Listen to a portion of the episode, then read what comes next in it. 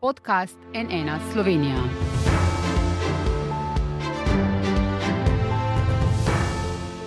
Dober dan, to je NN studio. Tudi letošnje poletje bo, kot kaže, eno najtoplejših od začetka meritev.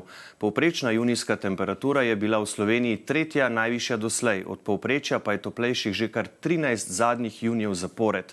To seveda pomeni, da so vremenski ekstremi še bolj izraziti. Suša, ki jo imamo trenutno, bi bila lahko najhujša v zadnjih 50 letih. Neurja postaje vse bolj silovita in uničujoča, pa sploh še nismo na vrhuncu poletja. Kaj torej sledi, kaj bo s predelki, se Istri prvič od 80 let obetajo celo redukcije vode.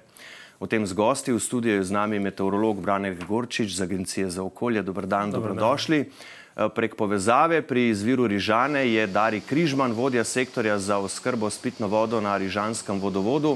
V Novi Gorici pa je z nami Vasja Juretic, svetovalec na Kmetijsko-gozdarskem zavodu Nova Gorica. Lepo zdrav vsem.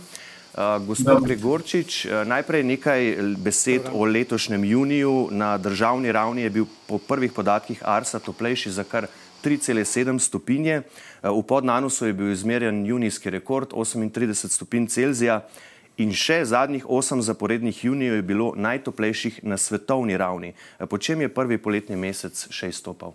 Ja, uh, kar precej ste že našteli. Uh mhm. -huh. V resnici uh, je potek v letošnjem juniju potek vremena oziroma teh visokih temperatur precej spominjal leto 2003, se pravi na juni 2003, ko smo potem imeli najbolj vroče poletje, še vedno doslej.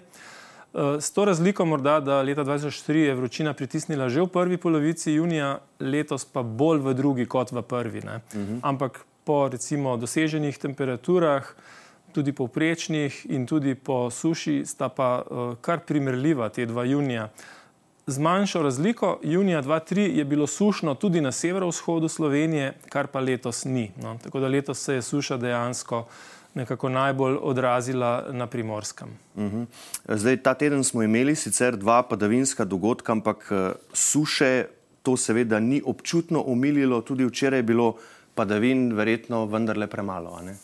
Ja, včeraj je bilo recimo na Goriškem, na Krasu, v Pavski dolini, tam nekje od 10 do 20 mm padavin, kar seveda vsaj za površinski sloj uh -huh. je nekaj, ne? uh -huh. za uh, kakšna vodna zajetja pa to ni omembe vredno.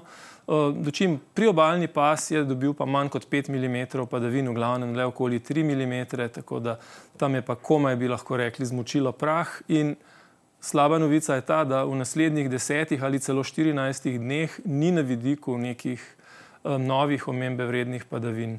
In še vročina se bo stopnjevala ne, naslednji teden. Ja, drži. Zdaj bo sicer najprej nekoliko uh, predaha, kar se vročine tiče. Mhm. Tja do vključno torka bodo temperature tudi na primorskem čez dan malenkost pod 30, v notranjosti pa bolj okoli 25 stopinj ampak potem od srede prihodnega tedna naprej se bo pa res vročina počasi stopnjevala in kot kaže, bo v drugi polovici julija, tam nekje, če ne prej po 18. juliju, nastopil spet kar izrazit vročinski val. Uh -huh. uh, gospod Juretič, Juretič, kot rečeno, tudi pri vas je padlo nekaj malega dežja od 10 do 20 mm. Kakšne pa so trenutne razmere pri vas? Ja, dober dan. Uh, Uh, ja, v bistvu je že gospod Gregorčič lepo opisal te razmere, ki veljajo praktično za celotno Slovenijo, pa vendarle je na primorskem stanje še dosti slabše. Res, da smo uh, v zadnjem tednu dobili uh, dva vala padavin, včeraj v povprečju tam okrog 10 mm, pa uh, vendarle naj orišem splošno stanje, tako da bodo si ljudje znali predstavljati, V letu 2021 smo v obdobju januar-juli na meteorološki postaji Bilje dobili nekaj manj kot 600 mm padavin, v letošnjem letu istega obdobja pa samo nekaj čez 200. In to je ta razlika, oziroma to so vzroki za zelo hudo sušo, ki se nam dogaja.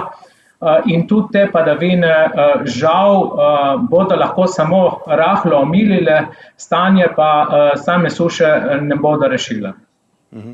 Kaj to pomeni za letošnji pridelek, kaj je najbolj ogroženo? Glejte, uh, če se sprva lotim sami, samega travinja oziroma pridelave krme, Praktično na celotnem območju Primorske so bili odkosi nekje v povprečju za 50 odstotkov nižji. Zgodnje sadje je nekako ušlo suši, imamo pa trenutno zelo velike težave pri tistih sadnih vrstah, kjer je pridelek na drevesih. To so praktično vsi breskovi nasadi, slivovi nasadi, nasadi pečkarjev in pa jagodičevja, tam so zadeve zelo kritične, predvsem v tistih nasadih, kjer žal ljudje nimajo namakanja. Kljub vsem pogojem za namakanje imamo velike težave tudi z velikim namakalnim sistemom Vogršček, ker vemo, da kljub sanaciji je ta žal brez vode, prazen in trenutno se koristi vodo iz reke Vipave, da se to črpa, ampak te ni dovolj in pritiski so zelo nizki in namakanje praktično onemogočeno. Težave so tudi pri pridelavi poljščin, najbolj je trenutno na udaru koruza. Na posameznih legah, kjer imamo zelo plitva peščena tla, je praktično koruza se že posušila in jo tudi močne padavine ne bodo rešile. Na tistih malo globljih tleh oziroma kjer je teh težav sušo manj, pa bo pa bodo te padavine nekoliko omilile samo sušo. Uhum. Gospod Križman, če gremo še k vam, ste pri vodnem zajetju za obalo, ki je v bistvu že suho in to mesec prej kot ponavadi. Kaj to pomeni za preskrbo Istre s pitno vodo? Tako, ja, se nahajamo se na zunanjem jezu izvira reke Rižane. Pred nami vidimo jez, v katerem je zelo malo vode, v ozadju pa vidimo objekt, ki zajame, ki zajame eh, gravitacijski izvir in eh, na katerem vidimo pač, da nič ne preliva ven, se pravi vseh teh odprtin običajno preliva, se pravi, ker je reka Rižana hodurniškega tipa, po obilnih nalivih vseh teh odprtin eh, dejansko bruha voda. Sedaj pa, ker je že en mesec, se pravi, sta šuša, se pravi, gravitacijski eh, izvir je že vsahnil, in vso količino, ki jo sedaj uspemo dobiti iz tega vira, je z črpanjem podtalnice, to je v količini 190 litrov na sekundo in obenem skrbimo, da je v reki Rižani še dovolj vode, se pravi tista predpisana količina, to je 110 litrov, katero moramo vzdrževati. V primeru eh, daljšega obdobja sušnega še naprej bo pač ta količina v reki Rižani padala in bomo mogli začeti eh, vračati vodo izpod talja, se pravi to vodo, ki jo črpamo, vračati nazaj v reko, da vzdržujemo ta biološki minimum in ostalo, kar bo ostalo od tega črpanja, nameniti skrbi prebivalcev slovenske istre. Treba še povedati, da je to naš osnovni vir, zato imamo vodno dovoljenje, drugega vodnega vira na slovenski obali nimamo. Ostale količine, so, s katerimi pač dobavljamo trenutno v skrbo, so iz kraškega vodovoda Sežana, to je maksimalno količine, ki jih oni tudi lahko dajo, to je 100 litrov na sekundo. Z Hrvaške istre uspemo dobiti sedaj 70 litrov na sekundo, to je pravi iz vodnega vira Gradole. To je 15% pravic te izdatnosti, ki je trenutno na 480 litrov na sekundo. Tudi ta vir je podvržen suši, tako da dnevno smo v kontaktu z sosedi iz istrskega vodovoda Bozet in tudi oni sporočajo, pač, da imajo te težave in te količine pogodbene in te pravice so, rekel, dnevno manjše. In imamo še eno vodarno v, voda, v Sečovljah, se pravi, to na, spet na oni strani meje, na hrvaški strani, ki je tudi pač manjša izdatnost, 30 litrov na sekundo in tudi tlebo, se pravi, črpamo iz vodnjakov, ki počasi tudi usihajo in ni za pričakovati, da bo kaj veliki splen iz teh vodnjakov. Ja, omenjajo se celo redukcije, prvič po skoraj 40 letih. Kako realno je to? Ja, če se bo tako nadaljevalo, glede na to, da padavin ni za pričakovati, glede na ukrepe bomo pač spremljali porabo. Če bo poraba še zmeraj visoka oziroma večja, kot bo izdatnost vodnih virov, bomo prisiljeni nadaljne ukrepe sprejeti, prepoved eh, za kmetijske namene in na zadnje pol, če bo vode premalo bomo prisiljeni sprejeti tudi redukcije. Pravi, razdeljevanje tistega, kar bomo imeli na razpolago v določenih urah prebivalcem. Kdaj bi se lahko to zgodilo in kaj to pomeni za najprej za domačine, pa seveda potem tudi za turiste? Ja, tega se najbolj bojimo. Se pravi, zdaj smo odvisni od količine vode, ki so v Rižani, se pravi od tega biološkega minimuma. Čim bo upadel pod to predpisano količino, bomo začeli vračati vodo nazaj in posledično bo manj vode za namen oskrbe. Eh, lahko pričakujemo, da v 20 dnevih se zna tako zaostriti, da bo pač že bili, bomo na tej meji, ko, ko bo treba sprejeti drastične ukrepe. Mm -hmm. Seveda si tega ne želimo, ampak gospod Gregorčič, ne sva povedala že, že v bistvu prej, da napovedi kažejo, da kakšnih izdatnih padavin vsaj še deset dni ne bo, morda celo več tu in tam, morda kakšna ploha ali nevihta, ampak to seveda eh, stanja ne popravi. Uh, uh, potem pa še nov vročinski val. Napovedi nekako za letošnje poletje z vseh večjih centrov so, da bi bilo v totalu seveda na, uh, spet nadpovprečno toplo. To seveda po, ne pomeni, da bo vse čas vroče, ampak da da bodo verjetno vročinski valovi dolgotrajnejši in uh, močnejši. Ne? Ja, žal je tako. No. Letos je bil zadnji normalno namočen mesec april, uh -huh. ne, mhm. potem maj je bil že kar zelo suh in tudi juni. Tako da seveda se potem ta suša samo še stopnjuje. Um, Redka so poletja, ko recimo iz teh sprotnih padavin se nateče dovolj vode, da je za vse potrebe dovolj. Dobro je vedno imeti nekaj zaloge iz pomladanskih mesecev, mm -hmm. tako pa tudi snežna oddaja ni bila prav bogata in vse skupaj se sedaj seveda tako odraža v vedno večji suši. Um, ja, zdaj ta vročinski val, ki smo ga že omenila, ki se bo nekako tam po 15. juliju verjetno začel.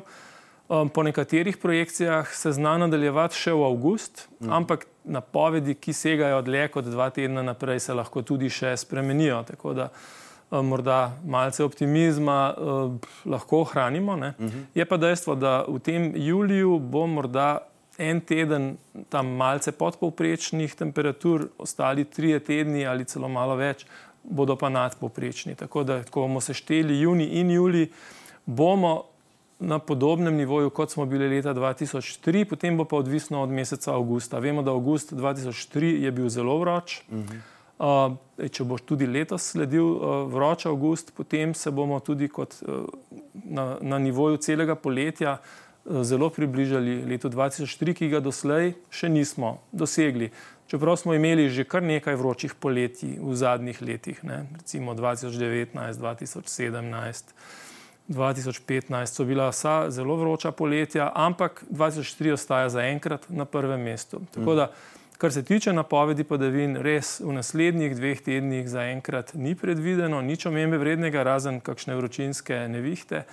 Uh, naprej bomo pa še videli. Potrebovali bi verjetno pač kakšno fronto, ne, da, bi, da bi recimo temu namakala državo Ja, leta, dva, dan, leta 2014 je bilo ja. na zadnje takšno poletje s pogostimi prodori teh atlantskih, uh -huh. uh, hladnejših in vlažnih zračnih mas proti našim krajem in proti Jadranu. Ne. Takrat so se tudi precej pritoževali vzdolž Jadrana zaradi močnih nalivov. Uh -huh. um, ja, letos te situacije zaenkrat ni bilo, tudi vprašanje, koliko je verjetna. -huh. Lahko da včasih potem nekje od sredine avgusta se ta bi rekel, situacija spremeni in pač obrne režim, ampak zato je zdaj pač prezgodaj, ne, da, bi, da bi špekulirali, kaj se bo recimo v avgustu dogajalo. Mhm.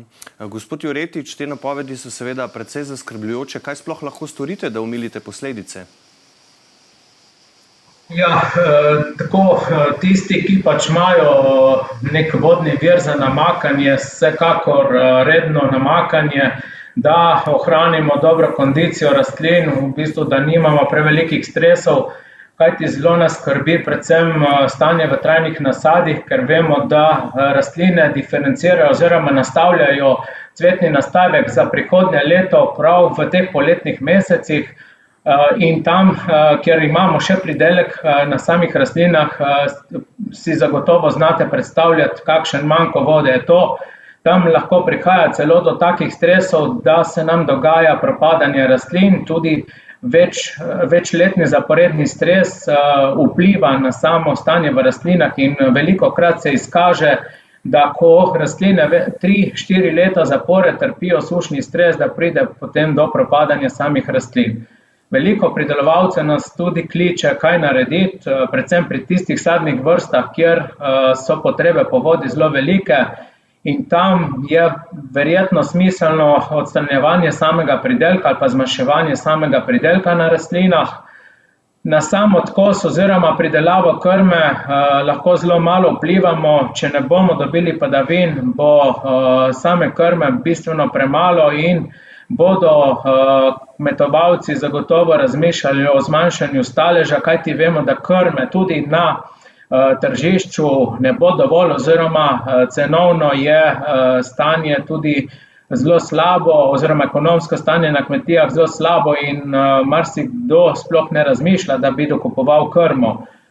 Razen verjetno posameznikov, če bodo mogoče to krmo dobili iz ostalih delov Slovenije, ker smo slišali, da je pač suša bistveno nižja. Veliko težav je tudi v zelenjadarstvu, predvsem z napovedjo sajenja zelenjadnic tudi za to jesensko obdobje, kajti marsikdo je v dilemi, ali bi sploh kaj posadil oziroma posejal, govorimo predvsem o pridelavi kapusnic pa tudi poznih, poznih solatnic, nenazadnje tudi radičev in vsega ostalega, kar poznamo za dejansko pridelavo čez zimo. Tako da smo v velikih dilemah, kako in kaj za naprej.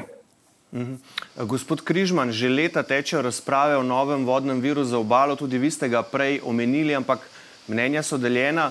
Koliko bi sploh zalegal, če so razmere tako sušne, kot so zdaj?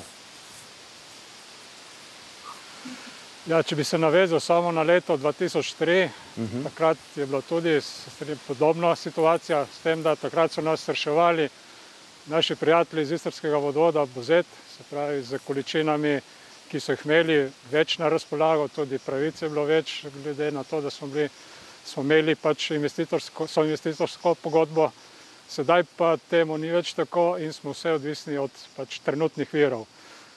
E, želje so, že večletne se Ržanski vodovod prizadeva skupaj z obaljnimi župani, da pridemo do no-, novega vira. E, prejšnja vlada je pa zastavila projekt akumulacije padeč oziroma suhortke, ki bi reševala oskrbo obale, tudi za potrebe kmetijstva, tudi kot rezervni vir za kraško območje in ilistro-bistriško.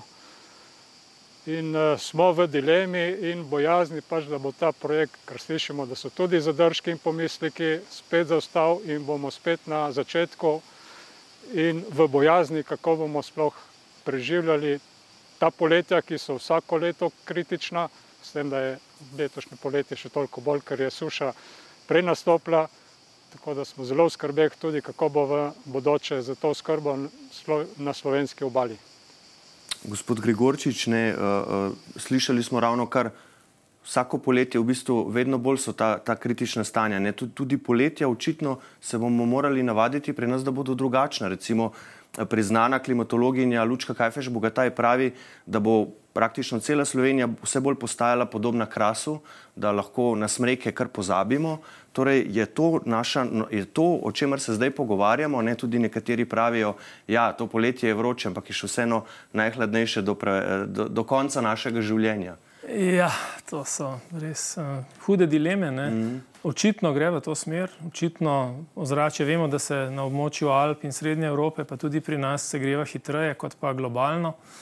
Tako da gotovo bodo v prihodnje še bolj vroča poletja, temu se bo zelo težko ali ne mogoče izogniti. Tako da treba se na to nekoliko pripraviti, morda malce prerasporediti to oskrbo z vodo iz območij, kjer je vendarle več padavin, to so bolj hribovita območja, kjer se zaradi pogostejših, recimo v teh poletnih neviht, vendarle nateče nekaj več vode, uh mhm. -huh. morda iz kakšnih območij v srednji Sloveniji, kjer je podtalnica eh, recimo bolj izdatna. Ne? Recimo, predvsem tu mislim na širše območje Ljubljanske kotline, morda bo treba dejansko prečrpavati vodo tudi proti primorski, kajti tam ti lokalni, lokalni bi rekel, vodonosniki verjetno ne bodo zadoščali. Ne. Posebej ne zdaj, ko se razvija spet ta turizem poleti, ko je mm. število prebivalcev na obali, ne vem, verjetno podvojeno ali celo več mm. v primeri z drugimi meseci, potreba po vodi pa je seveda poleti največja. Ne. Ja, in ne smemo pozabiti, pozabiti, da smo v Sloveniji, ki je v bistvu z padavinami in z vodo dobro založena država. Ja, drži, drži ampak seveda uh, kaže na to, da bomo imeli verjetno tudi povečanje količine padavin v zimski polovici leta, gledano kot celota. Ne. Ampak eh, poleti pa bodo verjetno ti vročinski valovi in suše še pogostejši. Tako da nekako bo treba en tak uh, inženiring v smislu uh, vzpostavitve nekih rezerv vodnih za sušna obdobja in sušna območja. Mhm. Gospod Juretič, ali to tudi pomeni, da bo treba kmetijstvo na Goriškem in Vipavskem preoblikovati, poskusiti s kakšnimi drugimi kulturami? Kakšna je pravzaprav prihodnost kmetijstva na vašem koncu? Ja, jaz bi se mogoče navezal na uh, mojega sogovornika. Eh, v bistvu bo tudi za potrebe kmetijstva potrebno razmišljati v prihodnje eh, o nekih akumulacijah, oziroma vodo bo treba zadržati takrat, kadar bo na voljo. Pravi, ne bomo mogli čakati na, na poletje, ampak bo treba že čez zimo, takrat, kadar bojo padavine, eh, vodo nekje zadržati v različnih akumulacijah in jo hraniti za namakanje za te poletne mesece. In uh, prilagajanje kmetijstva, vsekakor se o tem govorimo že kar nekaj desetletij, da so podnebne spremembe uh, tu in uh, so nas doletele. Uh, zdaj, kar se tiče vašega vprašanja o samih kulturah, pa veste, uh, mediteranske kulture, ki uh, ste jih verjetno imeli v mislih uh, ne, in so na sušo manj občutljive, uh, so pa z drugega vidika zelo problematične na pozebo. In mi imamo velike težave, kajti takrat v tem, teh spomladanskih mesecih nas eh, kljub eh, vsem visokim temperaturam doletijo dnevi oziroma tedni, ko imamo zelo nizke temperature, krepko pod lediščem, in na drugi strani so pa le te uh, posledice ali pa vzrok za neuspevanje teh mediteranskih kultur. Mm -hmm. In potem je še dodatna težava, da se tudi uh, spomladi, uh, dosti krat, ne vem, marca že zelo ogreje, imamo že čez 20 stopinj, potem pa ne vem, aprila pride sploh lani. Spomnimo se tiste katastrofalne pozebe, pa potem uh, kakšen uh, udor zraka severa in imamo potem uh, kar nekaj dni uh, konkreten minus. Kaj pa mestne poplave, gospod Gregorčič? Videli smo, kaj se je v Ljubljani zgodilo lani septembra, ne, ko je bil naliv s povratno dobo 100 let. Uh, Eh, ta teden ponovno poplavljeni podvozi in ceste. Vaš kolega z agencije Blaž Šter meni, da bodo tako imenovane mestne poplave nova realnost. Kaj to pomeni, da se bodo pojavljale vsako leto? Ja, kadar pade velika količina dežja obnaljivih v kratkem času na urbanem območju, je vedno problem odvodnjavanja. Tako da verjetno je težko vzpostaviti sistem, ki bi bil dimenzioniran na takšne maksimalne nalive. Tako da verjetno nekaj težav bo tudi, če se recimo ne bodo nalivi še intenzivirali. Je pa dejstvo, da v toplejši atmosferi je več vodne pare, več vodne pare pomeni več energije za vremenske procese in tudi večjo potencijalno nevarnost za močne nalive. Tako da ja, tudi to se bo še dogajalo in verjetno do neke mere tudi stopnjevalo. Mhm. Za konec še eno vprašanje, gospod Gregorčič. Hrvaški vremenoslovci so upozarjali na orkansko burjo, zlasti pod velebitom je in bo danes kar hudo. Uh, vem, da so že prej odpovedali trajekte napak. Eh, na cestah je pa polno turistov, seveda burja na severnem Jadranu, sploh pod velebitom, v bistvu ni nič posebnega. Ne? Tam so bili celo sunki čez 200 km na uro, ampak so pa to vrstni dogodki poleti, poleti vseeno uh, malo redkejši. Kako izjemen je tokratni dogodek, se naši turisti že lahko odpravijo proti hrvaški obali ali morda raje počakajo en dan? Torej, današnja burja vzdolž hrvaške obale je posledica prodora hladnejšega zraka v višinah, ki smo ga bili deležni tudi mi včeraj popovdne, prehod hladne fronte. Tudi pri nas uh, je ob obali močno zapihalo, sicer bolj tramontana kot burja. Eh, sunki so tudi presegli 90 km na uro. Vemo, da, tudi, da se je zgodila tudi tragična nesreča da, da. v Izoli. No, zdaj ta proces že napreduje in je precej nad, nad južnim delom Jadrana. Tako da, seveda, nekaj burje je še, predvsem ob srednjem in južnem Jadranu, dočim na severnem Jadranu verjetno že počasi zgublja svojo moč, tako da zdaj ob koncu tedna nekih večjih tovrstnih težav ne bo več. Mhm. Pa gredo lahko ljudje že danes na pot? Uh, veliko jih namreč. Ja, sej, uh, zelo hitro ne moreš iz Slovenije priti do, ja. do tistega območja. Jaz mislim, da kolikor si, si zapomnil vse to. Eh, dogajanje, ki se zdaj odvija, mislim, da se že da počasi. Ampak treba je preveriti stanje na cestah, kajti mm. um, lahko se zgodi še kaj drugega na cesti, ne samo uh, vremenske nevšečnosti. Ja. Uh, in včasih, če je cesta nekaj časa zaprta, je potem kar problem, preden se promet normalizira. Ne. Skratka, tisto splošno navodilo, ki velja za ne glede na to, kateri mesec v letu, kakšno vreme je, preverite razmere na cestah in potem se odpravite na pot, če to eh, dopuščajo. Najlepša hvala, gospod Gregorčič, za vaše gostovanje v studiu in seveda lepo zdrav tudi drugima gostoma. Eh, lepo zdrav, ehm, gospod Križman in gospod eh, Juretič, tudi vam v Novogorico. Hvala lepa. Hvala lepa, pozdravljeni. Hvala. Seveda si vsi skupaj želimo, da vendarle vreme preseneti, prinese kakšne obilnejše padavine, kot rečeno, za naslednjih 10-14 dni bolj slabo kaže. Vsekakor spre, pa spremljajte tudi našo spletno stran nnainfo.si, kjer sproti objavljamo tudi vse vremenske informacije. Studija le še lepo zdrav in nasvidenje.